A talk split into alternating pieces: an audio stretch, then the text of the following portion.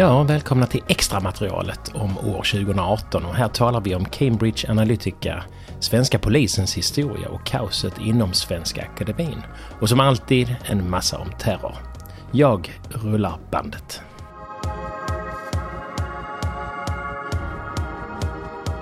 Den 14 januari så uppmärksammas då ett fall i USA som kommer att kallas för fallet Turpin. Ehm, det är då alltså ett, ett barnmisshandelsfall alla nästintill... Eh, vad heter han i Österrike? Ja, Fritz. Fritz. Eller hade då alltså två föräldrar. D- David eh, och Louise Turpin. De är födda båda två på, på 60-talet. De har då under många år misshandlat sina 13 barn på olika vis. Och den 14 januari då 2018 så lyckas ett av de här barnen rymma hemifrån och anmäla föräldrarna till polisen. Mm. Och då visar det sig att föräldrarna då har misshandlat sina barn och hållit hållit dem fångna, vägrat ge dem mat, hållit sa- vissa av dem fastkedjade. Mm. Eh, och då 2019 sen så döms de här föräldrarna till livstidsfängelse med möjlighet till villkorlig frigivning efter 25 år. Mm. Så det är ju liksom ett Fritzl-fall Ja. med den skillnaden att Fritzl, här, Fritzl gjorde ju liksom barn med sina döttrar också. Annars är det ju lite snarlikt. Ja. Och den här typen av fall dyker upp lite då och då. Mm. Och de är ju också fruktansvärda. Ja, verkligen. Så det här är kanske någonting som, det här är ju ditt område lite grann. Det finns ett företag som heter Cambridge Analytica som utreds för sin användning av 50 miljoner Facebook-användares data i samband med presidentvalet i USA 2016. Alltså det här företaget skapas ju eh, för att eh, genom eh, att behandla och, och fibbla med data försöka styra val. Eh, Och det är, Ja. det är amerikanskt eller? Det är Ja, det är en Det låter Cambridge, det låter Nej, ju- det är en brittisk Nej, forskare. anglosaxiskt i alla fall. En brittisk forskare som, som skapade tillgång till en massa data. Helt eh, okej. Han frågade på Facebook och så fick han data. Men sen så var det bara det att han använde alla deras vänners data också. Så alltså det användes en massa data som inte var då tillåtet eller man hade fått okej. Och sen använde man det bland annat eh, till eh, valet där Trump anlitade Cambridge Analytica för att försöka påverka väljarna. Och, Alltså detta är någonting som är rejält läskigt Mm. tycker jag. Och det ska bli intressant att se. Man, ja, man lever ju i någon liten värld att det händer inte oss för vi är så små. Men just i detta valet som är här nu så känns det som att Putin, de sitter ju på en ar- armé Mm. av påverkans eh, trupper kan man säga. Sådana här hackergrupper. ja, På- På många sätt så känns det ju osannolikt att om han verkligen skulle vilja så skulle han ju kunna styra vårt val rakt av Mm. förmodligen. ja, Jag vet Det- inte det vad det finns för säkerhetsåtgärder att vidta. Nej, det, är, det är läskigt eh, att eh, främmande makt kan påverka så mycket, det håller jag med om. Men, Ja, för kan Ryssland göra det med Ja. USA? Det är, Ja. vi, vi pratar ju liksom de stora Nej, jag spelarna. håller, jag håller helt med. Men jag måste bara berätta, för eh, påverkan då på, på val eh, tillhör ju val. Så jag hade ju en påringning här eh, i huset av, eh, av några... Jag stod och lagade mat. Så jag öppnade dörren och så stod det tre centerpartister här utanför. Och ville prata valet med mig. De ville ju påverka mig till, till valet här. Vad jag skulle välja. Och så, Jo, men det är ju en annan sak. Ja, än, än att främmande makt gör det. Men, ehm, Ja, att man gör det genom att eh, fuska på nät.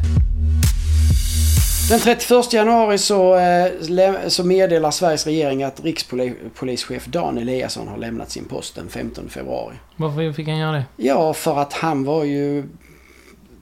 Ja, ja, eh, han var ju inte tillräckligt eh, duglig, ansåg Nej. man väl.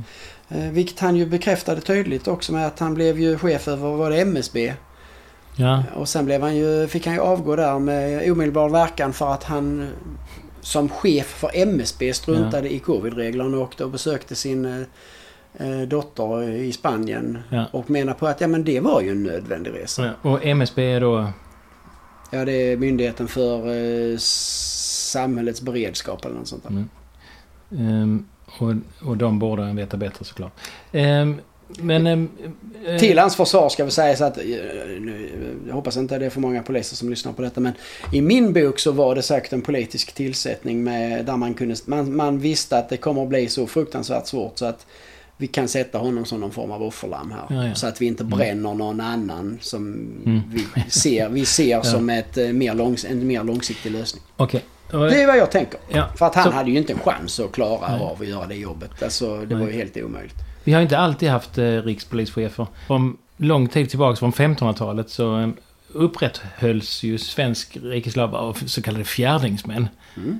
Eh, och fjärdingsmännen de hjälpte då länsmännen med indrivning, polisverksamhet och eh, eh, annan lag och ordning. 1850 så bestämdes att det skulle finnas poliser och fjärdingsmän i alla köpingar och socknar. Och då fanns det i början av 1900-talet fanns det 2800 i Sverige.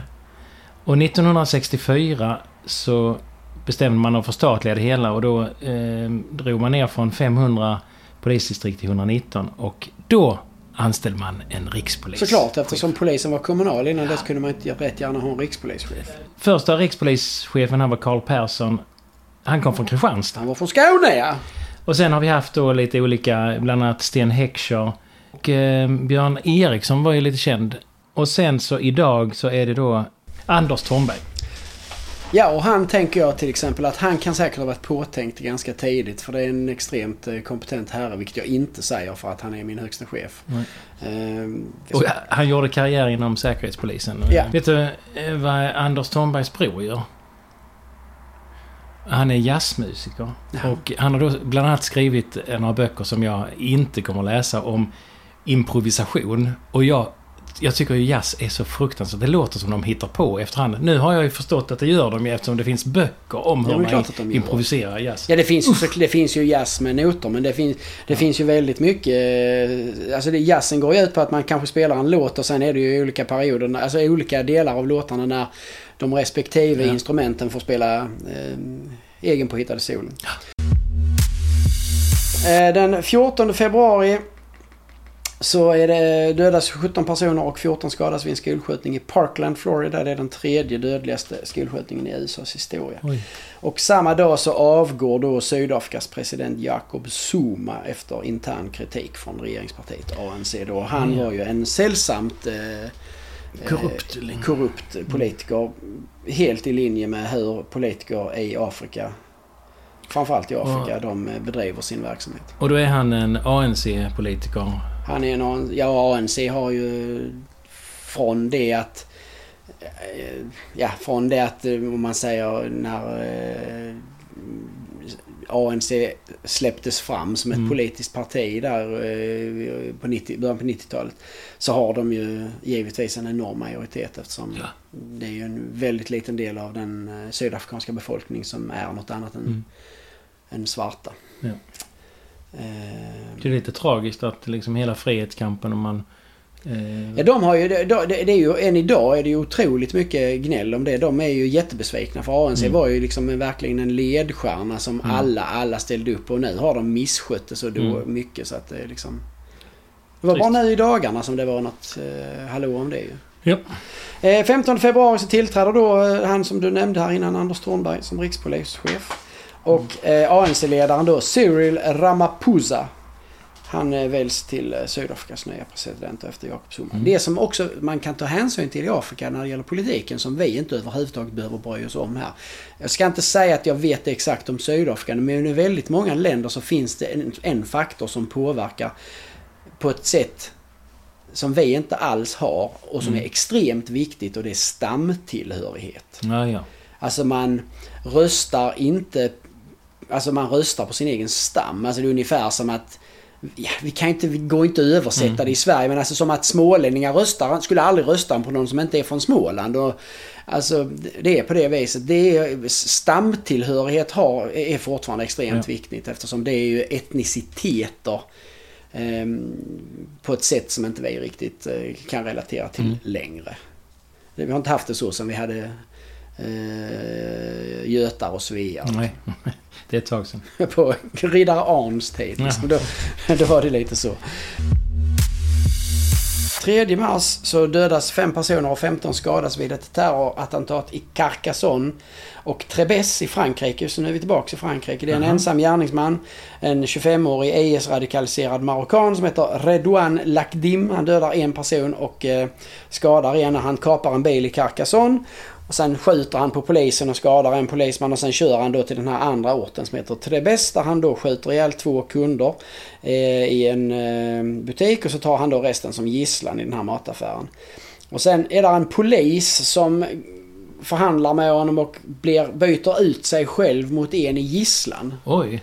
Eh, så han går in i butiken och ska väl förmodligen försöka lugna situationen inifrån. Men det leder till att den här eh, Laktim han eh, dödar den polismannen och när han gör det då så går den här franska insatsstyrkan direkt in i butiken och skjuter ihjäl den här Laktim och Islamiska staten tar givetvis på sig det dådet. Det där ser man ju aldrig i amerikanska polisfilmer. En misslyckad... Eh, att man tar på sig hela världens elände och går in och byter ut sig mot gisslan. Man kan väl säga som så här, det är ju inte någonting som... eh, Det är ju inte någonting som... eh, Nu är jag ju förhandlare så att jag kan Vi lär inte ut det. just den. Det är ju inte någonting som man liksom förhandlar om att man eh, skickar in någon annan. Det, det är inte aktuellt överhuvudtaget. Sen börjar vi då eh, någonting som är, har varit ganska intressant att följa.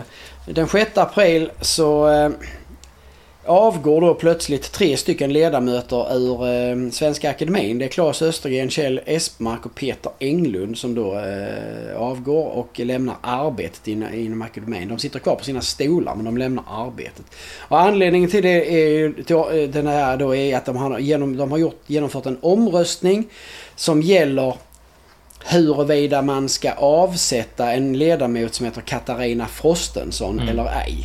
Och hela den historien börjar med den här, du nämnde honom lite kort vid namn, den så kallade Ja, kulturprofilen som då är en fransman som heter Jean-Claude Arnault. Det har då inletts i, lite i bakvattnet av metoo så har det inletts en eh, åklagarledd utredning mot honom med ett x antal fall av sexuella mm, trakasserier och övergrepp. Och vissa av de här ska till och med ha skett i någon lägenhet i, Frank- i Paris som ägs av Svenska Akademin. Och här fanns det ju beskrivningar i, nej, eh, på, eh, i Expressen eller Aftonbladet om att eh, eh, kronprinsessan hade fått en liten eh, klatsch på rumpan eller något liknande av den här mannen. Ja, så var det kanske. Men i alla fall. Eh, det har ju också då, för då har man tillsatt en... Vi, parallellt med polisutredningen så har Svenska Akademin också bett någon advokatbyrå att göra någon eh, mer intern utredning om vad som har hänt. Framförallt kring vad det finns för oegentligheter här. För det visar sig att den här kulturprofilen då, Jean-Claude Arnault, han har väldigt nära kopplingar till akademin. Han har då... Eh, han är dels då nära hon den här Katarina Frostenson, men han är också nära ett par andra ledamöter. Eh, och eh, hon, Katarina Frostenson, då är hon delägare i hans verksamhet. Och den verksamheten har under en lång rad år fått hundratusentals kronor i bidrag av Svenska Akademin, vilket ju luktar Som av en händelse. jätteilla. Och så när han då visar sig att han då har att han är misstänkt för övergrepp på 18 kvinnor så blir det ju lite jobbigt. Eh, och det visar sig dessutom, vilket kanske Svenska Akademin tycker är värre, att han vid sju tillfällen så har han spridit namnet på årets Nobelspristagare innan Nej. det har annonserats.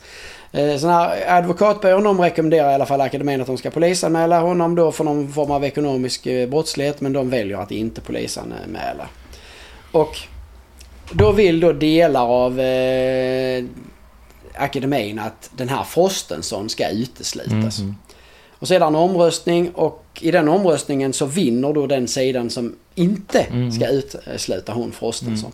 Och då avgår de här tre männen då. Och de kan, man, man kan inte lämna sin stol. Det, det är, Nej, det, det, man kan inte göra det där. Så det är väl därför de, de- sitter kvar på sin stol Ja. men de vägrar Ja. arbeta då alltså.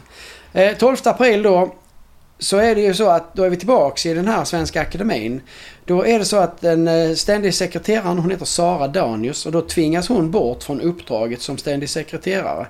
Eh, och då lämnar hon ju så då även liksom eh, arbetet i akademin. Och då är vi återigen att man kan inte lämna sin stol. Så där blir det ju strul kring det. Men anledningen till att hon tvingas bort är ju då att Aftonbladet har avslöjat att det är Sara Danius själv som har beställt den här utredningen om Jean- Jean-Claude Arnauds förövande. ja. Och om banden till akademin. Och hon har själv dratt upp riktlinjerna för vad som ska undersökas. Och det har hon gjort utan att fråga. Alltså utan att förankra det bland de övriga ledamöterna. Och Daniels hon går väl med, säger väl att okej, jag lämnar. Men då, eh, ja, det är bara på villkor att Katarina Frostensson också då, att hon avgår. mm. Och det går hon väl, då går hon väl med på det då och säger Mm. att ja okej, jag går med på det. Och i och med att då de här två slutar och att de andra som har slutat tidigare. ehm, så är de bara 11 ledamöter i, eh, i akademin. 11 arbetande ledamöter. Och det är inte då tillräckligt för att man ska kunna välja in nya. Ah, Så det är lite jobbigt. Ehm, och det här med att Sara Danius, jag vet inte om det, är, om det ligger i... eh, På, om det påverkas av metoo eller vad det är. Men att hon tvingas bort där det väcker ju enorm ilska runt om i Sverige. Där, Aha. där man menar liksom att här offrar man en kvinna som har försökt liksom städa upp i eh, akademins dåliga affärer. Ehm, och så får män då som har känt till de här uh, oegentligheterna, Mm. Arnauds förehavanden, de får sitta kvar och fortsätta. Mm. Och det uppfattar man ju som någon jävla herrklubb där då. Ja. För det är ju det också som är pinsamt att det är ju inte... Alltså, detta är ju väldigt känt inom akademin att detta är en, en, Mm. en äcklig snusgubbe liksom. Mm. Men och, det, man har inte hanterat och, och innan metoo så fick snusgubbar de bara... Eh, Lite så. Bara. Och sen den 28 april så lämnar då en, en ytterligare en ledamot, Sara Stridsberg, sin plats i Svenska Akademin. Det är ju inte så att man kan droppa jättemånga namn i Svenska Akademin. Nej, det kan man ju. Sen Kristina Lugn slutade och Ja. det är ju Sture Allén, Horace Engdahl och Kristina Lugn. Som är, och så Peter Englund kunde man ju. Ja. Sen då den 2 maj, då avslutas egentligen den här, eh, den här eh, vad ska man säga, skandalen i Svenska Akademin. För då har kung Carl Gustav, Carl, den 16 Gustav, då har han gått igenom stadgarna och sånt där och kommit fram till att de möjliggör att man faktiskt kan lämna akademin eh, då om man är ledamot. Och anledningen till att, Carl, att kungen har gjort det är ju att han är ju deras, vad ska man säga, överbeskyddare eller vad. Så han har försökt att läsa sig till här nu alltså. Ja, det har ju såklart inte han gjort men någon har gjort det åt honom. Okej. Ja, nu ska han reda upp Jag har det jättesvårt att tro att han, att han själv Eh, vecklade upp eh. Svenska Akademins stadgar från eh, 1770-talet. Den 23 april så eh, dödar en 29-årig armenier som heter Alek Man- eh, Minassian. Han dödar 11 personer och skadar 15 när han med en skåpbil eh, rammar in i folk på en gata i Toronto. Eh, nio av de elva döda är kvinnor och efter dådet eh, försöker han provocera fram ett självmord, alltså en sån här suicide by cop. Men Mm. eh, pol- poliserna lyckas väl hålla sig så pass lugna så att det blir ingen suicide, suicide by cop. Utan han greps eh, och döms till livstidsfängelse. Vad vill man som polis? Vill man ha, ha dem levande så att de kan bli dömda eller kvittar det eller... Ja, man vill inte skjuta dem såklart. Men, Nej, jag tror att i det här fallet så vill man nog gärna bara gripa honom Ja. och se till att han verkligen får... eh, Liksom det är lite för enkelt att komma undan nästan. Ja. Eh, Det är skillnad om han fortsatt, fortfarande håller på.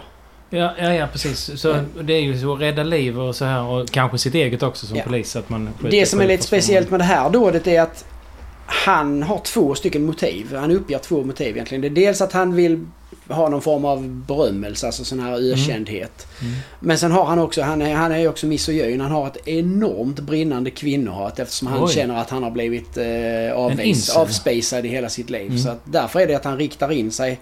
Alltså det som är 9 av 11 döda är kvinnor. Han försöker verkligen Ja. köra över tjejer. Så jag, tycker jag har också blivit avspisad en del gånger men jag fortsätter bara ändå. Ja men det är bara för att du har inte så stor bil. Yes, då går vi till oktober. Då eh, sker det en eh, mycket eh, världsomvälvande händelse. För då är det en 59-årig saudisk Washington Post-anställd journalist som heter Jamal Khashoggi. Khashoggi som går in på Saudiarabiens konsul konsulat i Istanbul. Han har blivit ditkallad för att han ska hämta några dokument inför sitt förestående bröllop. Men sen kommer han aldrig ut därifrån. Och det startas någon utredning där ganska snabbt eh, där man konstaterar att eh, han har mördats. Och han har styckats inne på det här konsulatet också. Och det här, man kommer också fram till att mordet då har eh, beordrats av den saudiske kronprinsen Mohammed bin Salman. Och Khashoggi har varit extremt kritisk mot honom och även mot hela den, eh, den saudiska kungafamiljen egentligen. Med, varit mycket, mycket kritisk. Eh, Framförallt var han extremt kritisk då när de eh, gick in i Jemen i det här Mm. kriget och sånt. Så uppenbarligen har man eh, ont blod mot honom. Man lurar dit honom och han blir som sagt dödad där. Eh, först så hävdar ju Saudiarabien att jo, nej, men han, han har gått därifrån. Han, han gick. Han var, men sen gick han. Så visas det ju med övervakningskameror och sånt att det gör han inte. Ja, inte, inte bara det. För Och sen hans så att- flickvän står och väntar i tio timmar utanför. Ja, och sen är det väl någon man ser väl de bär ut några mystiska Mm. väskor. Ja. Alltså, och sen efter ett tag i alla fall så eh, då plötsligt så ändrar de sig så säger de att ja, jo, han var men han dog för han hamnade i, liksom, i ett knytnävsslagsmål med några andra som var här. Eh, jaha. Och sen, men, sen så, men hovet har inte varit inblandat överhuvudtaget. Och han den här eh, prinsen och det, han, absolut, han känner inte till någonting om det överhuvudtaget. Sen bör man skylla eh, på individuella, alltså på individer. Så man, bland annat har man skickat dit något team som skulle konfrontera honom och några andra. Och det är de som liksom har, Mm. de har fått feeling och dödat honom själva utan att vara eh, tillsagda om det. Sen till sist så medger den saudiska riksåklagaren att dådet har varit överla- överlagt. Och så, men- gre- så griper man 18 saudier då. Ja. Eh, helt andra så är det oklart om de stenas till döds eller om... Jag vet inte. Men, I alla men fall visst är det korkat? Ja, det är så, det är så otroligt... Det är så otroligt amatörmässigt genomfört. Och det beror såklart på att när man gör den här typen av grejer i deras hemmakontext så ställs det liksom inga frågor. Det är ju helt insynsskyddat. Så man har nog bara tänkt att ja men vi gör så här så det löser det sig. Liksom. Men fattar man inte, det blir ju en enorm diplomatisk kris. Och Ja. till och med relationerna mellan USA och Saudiarabien som normalt sett är väldigt goda. eh, De försämras ju jättemycket Ja, ja, ja. här. Mm. Och det hemska är ju egentligen att nu, vad är vi, fem, sex år, fem år senare. Mm. Så springer han den här eh, Mohammed bin Salman runt och frotterar sig med en massa politiker och kungligheter. Det var väl nu, var väl inte så länge sedan nu. Han fistpampade ju med Joe Biden för bara någon vecka sedan. Det blev ju ett jävla liv om det. Är det? Visst. Alltså, så, så, han, de Ja. träffade Joe Biden, han de liksom... De hälsade så med en sån oj. fistbump så. Ja. Eh, vilket ju inte sågs med så blida Nej. eh, ögon eh, runt om i världen. Eh, 17 november så eh, inleder folkrörelsen Gula Västarna sina protester i Frankrike. De, eh, den uppstår ett missnöje om, eh, eller mot höjda bensin, eh, bränslepriser och växer jättesnabbt precis som alla sådana här Mm. demonstrationer och protester gör i eh, Frankrike till en landsomfattande protest. Eh, mot o, eh, ojämlikhet och allting sånt där eh, och mot eh, Emmanuel Macrons politik. Då. Och han får ju veka ner sig och ändra hur han har tänkt. Det har han fått göra någon gång till sen dess. Det, är, det är intressant att de lyckas så väl i Frankrike. Ja, det är så vedertaget. De har demonstrerat sedan liksom 1789 Mm. så att eh, de har, det är rätt mycket direktmakt Ja. där faktiskt. Oväntat mycket. Mm. För de är så, de är så militant med, de, de går liksom inte hem. De gör ju sådana grejer bara. Kör ut och häller ut gödsel. Ja. Så att inga bilar bara, Mm. bara fyller en, en, en järnväg, eller liksom en rondell med gödsel så inga bilar kan komma Mm. förbi. Så bara, ja. De är väldigt eh, extrem civil olika. Ja. Eh, och sen är de ganska kreativa och roliga också.